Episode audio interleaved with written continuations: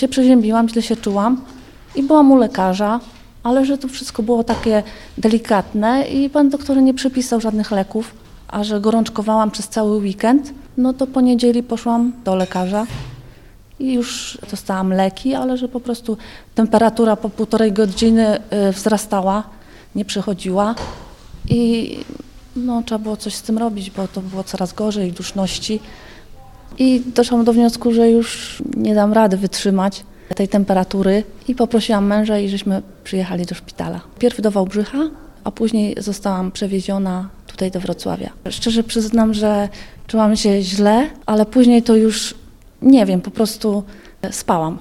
W pierwszej kolejności należy podkreślić, że COVID również nie oszczędza ciężarnych. Zawsze się mówiło, że to jest grupa ludzi w sile wieku, obciążonych różnymi chorobami, a tu nie. Tutaj zaatakował ten wirus młodą kobietę, młodą ciężarną, która zachorowała na objawy grypopodobne. Temperatura, kaszel i takie różne objawy typowo przeziębieniowe. Zgłosiła się do lekarza i rutynowo została potraktowana jako, jako przeziębienie, jednak te objawy się nasilały i słusznie udała się do szpitala w Wałbrzychu, gdzie zostało stwierdzone, że jest zakażona wirusem SARS. A który to był miesiąc? To był 27-8 tydzień ciąży, a więc granica przeżywalności dziecka. To jest taki najgorszy okres w położnictwie, bo już jeżeli coś się dzieje, to rozwiązujemy, ale niestety dziecko jest takie niedojrzałe na tyle, żeby mogło, można powiedzieć, że w 100% przeżyje. No i zgodnie z rekomendacjami, zgodnie z algorytmem postępowania, jeżeli jest COVID dodatnia, została przekazana do tak zwanego czerwonego szpitala położniczego przy ulicy Chałubińskiego. Niestety, tak pogarszała się sytuacja oddechowa tej ciężarnej. Z dzieckiem całe szczęście nie było źle, ale oddechowa, że szef anestezjologii, profesor Goździk, podjął decyzję, że tam nie da rady. Nie jest bezpiecznie prowadzić taką ciążę i taką matkę i musieliśmy przejąć tą panią w ciąży tutaj do centrum anestezjologicznego. I tu chwała anestezjologom, muszę jasno podkreślić, i chwała zespołowi pana profesora Goździka, który wszystko zrobił na najwyższym poziomie światowym, żeby utrzymać ciążę jeszcze chyba przez kilka tygodni. Niestety, oddechowo ona się załamywała i profesor Goździk podjął decyzję o zastosowaniu tego ekstremalnego już postępowania, można powiedzieć ostatecznego, ratującego jej życie, bo płuca jej w ogóle się nie rozprężały. Jak widzieliśmy zdjęcie radiologiczne płuc, to były dwa duże kamienie, my to nazywamy kamienie. Nie było w ogóle powietrza w tych płucach. Anestezjolodzy podjęli decyzję o zastosowaniu pozaustrojowego wspomagania oddechu i krążenia. To jest urządzenie wykorzystywane do transplantacji serca.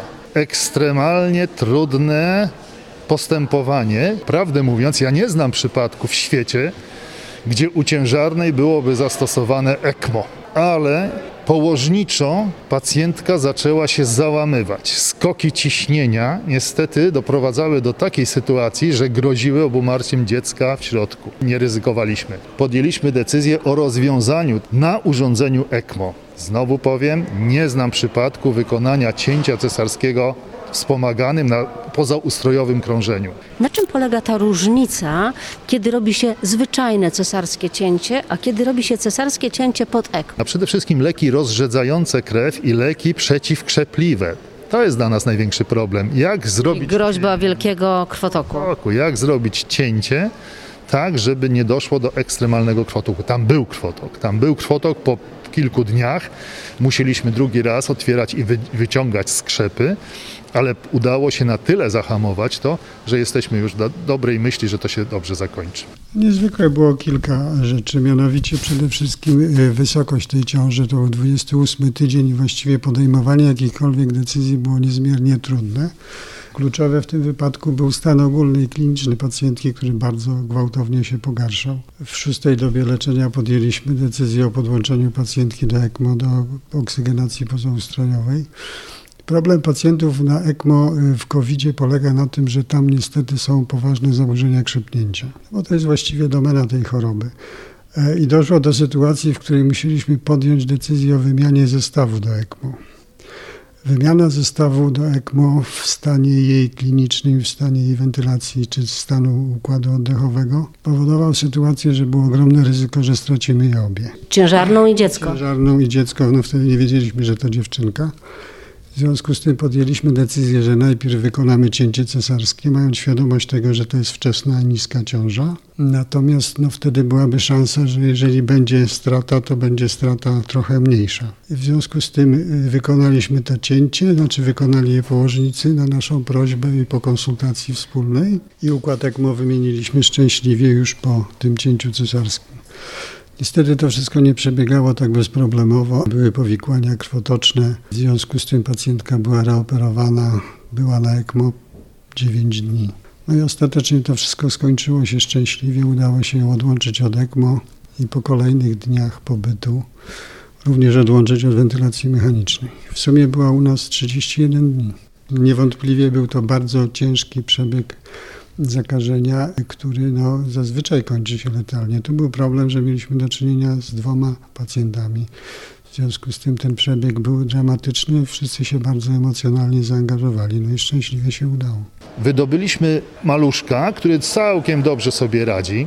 Koło 1500 gram ważyło, czyli troszkę było hypotroficzne już, ale daje sobie radę i wyjdzie niedługo. A pacjentka po cięciu cesarskim, po tym ECMO została odłączona do tego, od tego urządzenia i stopniowo, stopniowo, stopniowo płuca zaczęły się rozprężać. W innych warunkach nie mielibyśmy szansy uratowania i mamy, i dziecka.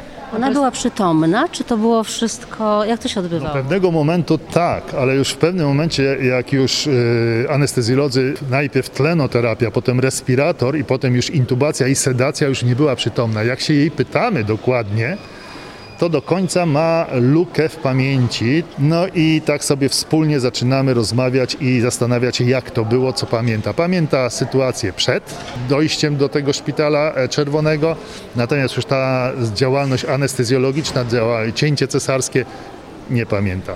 Dochodzi do dziecka, stopniowo uczy się chodzić, rehabilitację, ale na tyle szybciutko wraca do formy, że jutro planujemy wypisać do domu. Pan, panie profesorze, nie chciał o tym wcześniej mówić, bo ciągle jeszcze obawialiście się o życie tej kobiety. Tak, to jest, stan był ekstremalnego zagrożenia życia zarówno matki, jak i płodu. To jest, to jest, ja teraz bardzo często powtarzam, że medycyna ma te wspaniałe takie momenty, kiedy wszystko się udaje i jesteśmy szczęśliwi.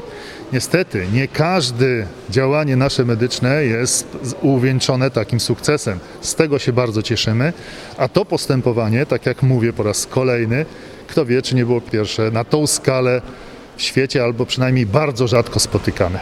Może nie jest jeszcze super, ale już jest lepiej. No, córeczka rośnie, jest w porządku, tylko że wcześniaczek to jeszcze musi pobyć w szpitalu. Było ciężko.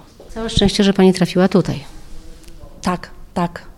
Tak, bardzo dziękuję wszystkim lekarzom, którzy uratowali mi życie. Naprawdę jestem wdzięczna mi i mojej córce. Natomiast większość przypadków tych COVID dodatnich, rodzących i ciężarnych są albo bezobjawowe, albo skąpoobjawowe. Natomiast no niestety prawo serii jest tak duże, że coraz częściej im widzimy i coraz częściej będą pacjentki z ekstremalnie dużą niewydolnością płuc. Dla ciąży jest to duże zagrożenie. Każda pacjentka przed przyjęciem jest testowana testem PCR. To jest dla nas zbawienne. Dzień wcześniej mamy test, przy przyjęciu wiemy, czy jest dodatnia, czy jest ujemna. To są planowe przyjęcia, ale borykamy się i walczymy z tym, żeby wprowadzić testy szybkie, antygenowe dla tych pacjentek, które przychodzą do nas nagle do porodu. To jest apel, to jest apel, gdzie jako prezes Polskiego Towarzystwa Ginekologicznego jasno powiedziałem, że to jest konieczne. Nie wiem dlaczego do tej pory nie jest to realizowane.